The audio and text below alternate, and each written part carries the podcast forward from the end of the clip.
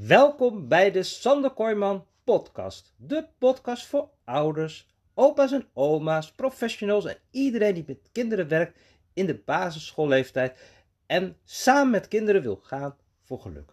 Want in deze podcast deel ik alle persoonlijke inzichten, levenservaringen, kennis, tips en ideeën die mij telkens weer helpen om voor mijn eigen kinderen en natuurlijk alle kinderen die ik begeleid te gaan voor geluk.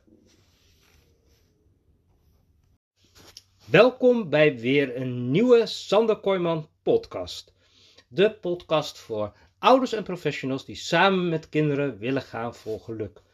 En vandaag, vandaag is het gelijk eigenlijk een beetje een hele vreemde dag. Ik ben ook heel laat met het opnemen van deze podcast, want vandaag had ik een uitslaggesprek want onze oudste, die, uh, ja, daar hebben we het vermoeden van dat die dyslexie heeft. En uh, dat is een heel erg lang traject geweest om dat uit te zoeken. En hij heeft inmiddels ook wel wat hulp uh, thuis. En vandaag is dan dat uitslaggesprek. En het was wel een beetje, ja, zou hij wel recht hebben op behandeling of niet? En tegelijkertijd betekent dat ook, als het een ja wordt, dan betekent het een enorme inzet van ons als ouders maar ook van hemzelf om ja, aan, met het lezen aan de slag te gaan. Want dat betekent het elke dag 20 minuten aan de slag straks met, met lezen, met een oefeningen. En dan natuurlijk nog een aparte afspraak één keer in de week om een behandeling te krijgen. En in de klas ook nog heel veel extra's. Dus uh, nou een heel bad aan lezen. Maar ja, hoe is het nou om het alle, alle, alle moeilijkste te gaan doen wat er is?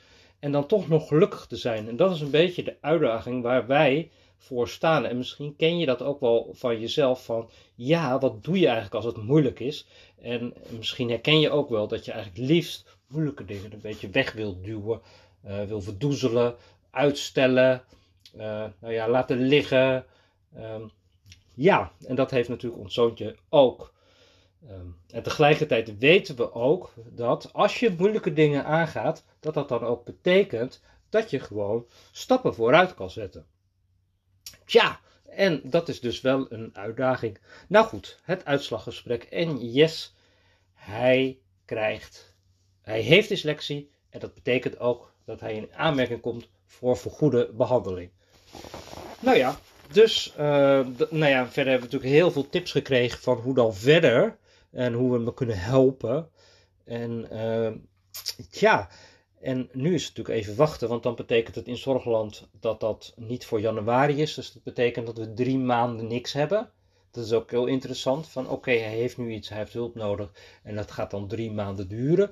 Nou ja, dan hebben we wel weer allemaal andere tips gekregen uh, die wij kunnen krijgen. Alleen nu is het de uitdaging om samen met hem, want hij wil, hij wil zo graag lezen. Hij zit elke dag alle dukjes te lezen.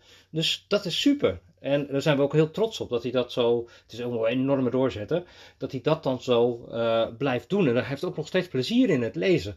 Dus uh, ja, we hebben natuurlijk wel heel veel vanuit school gekregen en wil je oefenen en wil je dit oefenen. En we hebben elke keer eigenlijk gewoon heel erg gezocht om te bewaken, om niet te veel druk te zetten op het lezen. En terecht, want je ziet, hij kan er gewoon helemaal niks aan doen dat het moeilijk gaat. Um, dus gelukkig ja, we hebben natuurlijk wel heel veel frustratie ook gehad en zo. Want ja, in die thuisonderwijs moet je natuurlijk ook lezen en de schooloefeningen doen. Dus dat was niet altijd even makkelijk.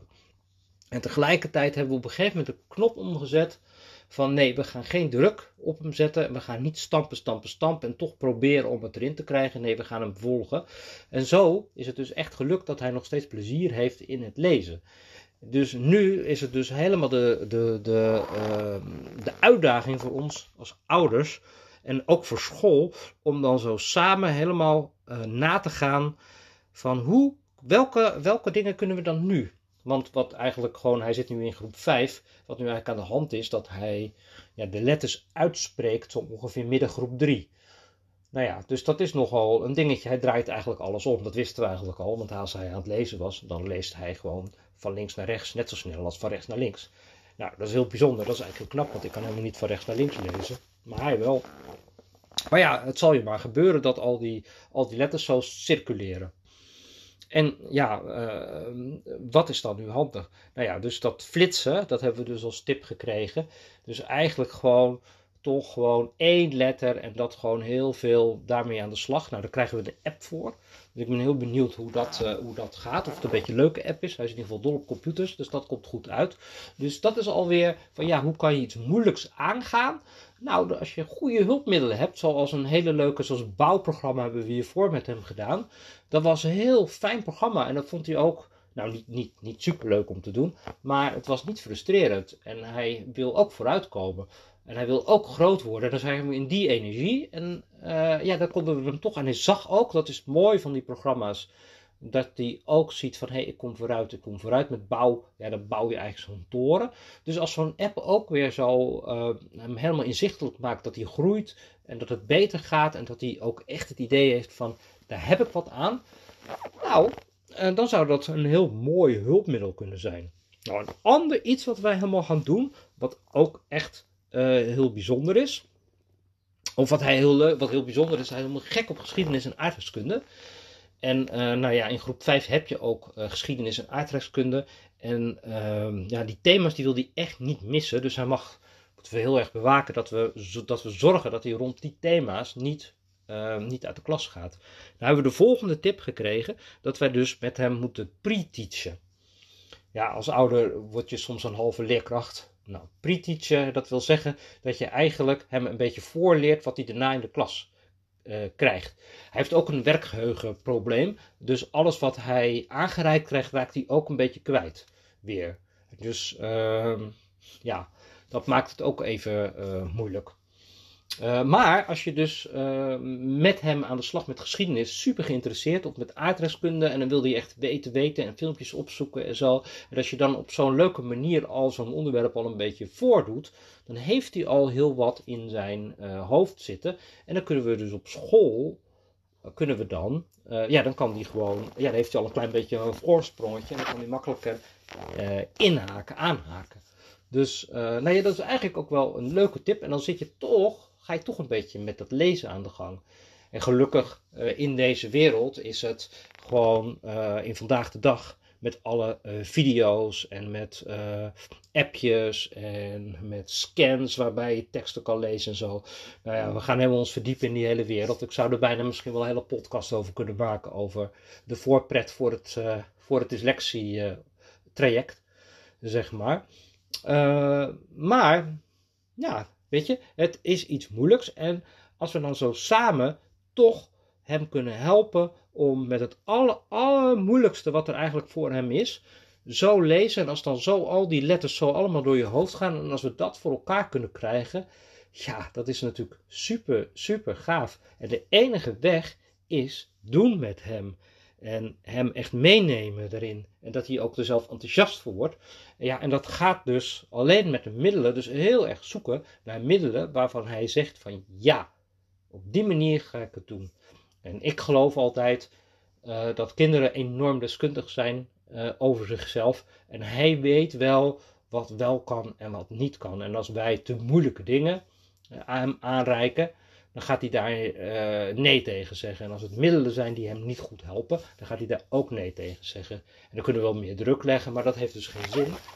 Dus ja, het is aan ons dan heel, om, heel creatief te zijn en om elke keer weer uh, dat aan te reiken. En zijn, zijn meester ook natuurlijk, en de juf op school ook, en de extra hulp die hij krijgt. En nou ja, er is eigenlijk een heel pakket, gelukkig, om hem te helpen. Uh, dus dat is super, super waardevol. En ja, dan denk ik met alle steun dat we echt ervoor kunnen gaan om het moeilijkste wat er is aan te pakken. En dan zit ik zo te denken, wat zou eigenlijk voor mij zijn het aller, aller, allermoeilijkste uh, op dit moment om, om voor elkaar te krijgen? Dan weet ik dat eigenlijk eventjes niet. Ik heb wel um, ja, al, al techniek zeg maar rondom die online programma's. Dat vind ik wel echt heel moeilijk.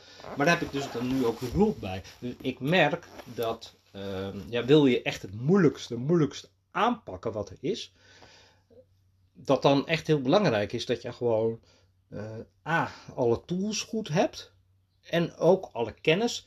En dat je dus ook de juiste deskundige om je heen hebt om dat wat je niet weet. En als je vastloopt en als je uh, um, een stap wil zetten en denkt van ja, we weten het nu niet.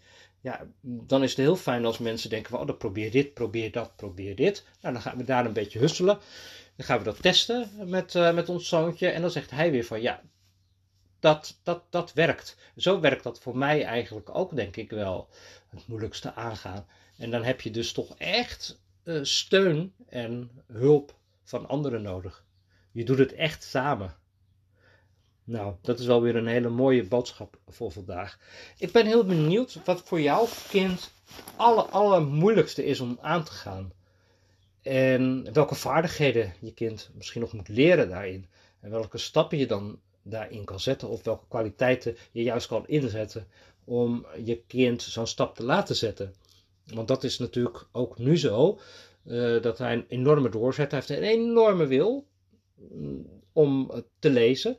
Hij wil ook echt heel graag vindt boeken en kennis vergaren zo superleuk. Dus in die energie, ja, dat zijn natuurlijk heel die nieuwsgierigheid van hem. Dat is ook zo'n mooie kwaliteit. Ja, die brengt hem echt wel ver. En zijn, zijn, zijn, uh, ja, zijn, zijn focus om dan toch uh, elke keer een stapje verder te gaan, is natuurlijk ook heel, heel fijn. En zijn, zijn brede interesse is ook super waardevol hier, hierin.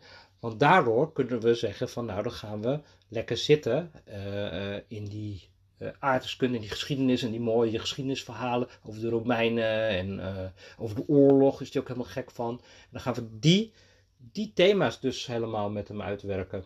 Nou, dus zo zie je dat het eigenlijk heel goed, dan kom je weer terug bij de kwaliteiten van kinderen, dat dat zo de basis is. En als je vanuit daar kan je natuurlijk werken. En je kan, als je die kwaliteiten hebt, dan kan je vanuit daaruit dus ook echt moeilijke dingen doen. Dat is ook denk ik zo'n hele belangrijke bouwsteen die, uh, ja, die hierin helpt. Dus dat is denk ik goed ook om te kijken van wat zijn dan jouw kwaliteiten of de kwaliteiten van jouw kind en welke kan je dan zo inzetten en welke kansen liggen er en welke mogelijkheden liggen er. Nou, dat was het voor vandaag, voor deze podcast. Samen met je kind gaan voor het allermoeilijkste dat er is. Het moeilijke dingen aangaan. Dat we veerkrachtig kunnen zijn. Mooi. Ik spreek je bij de volgende podcast.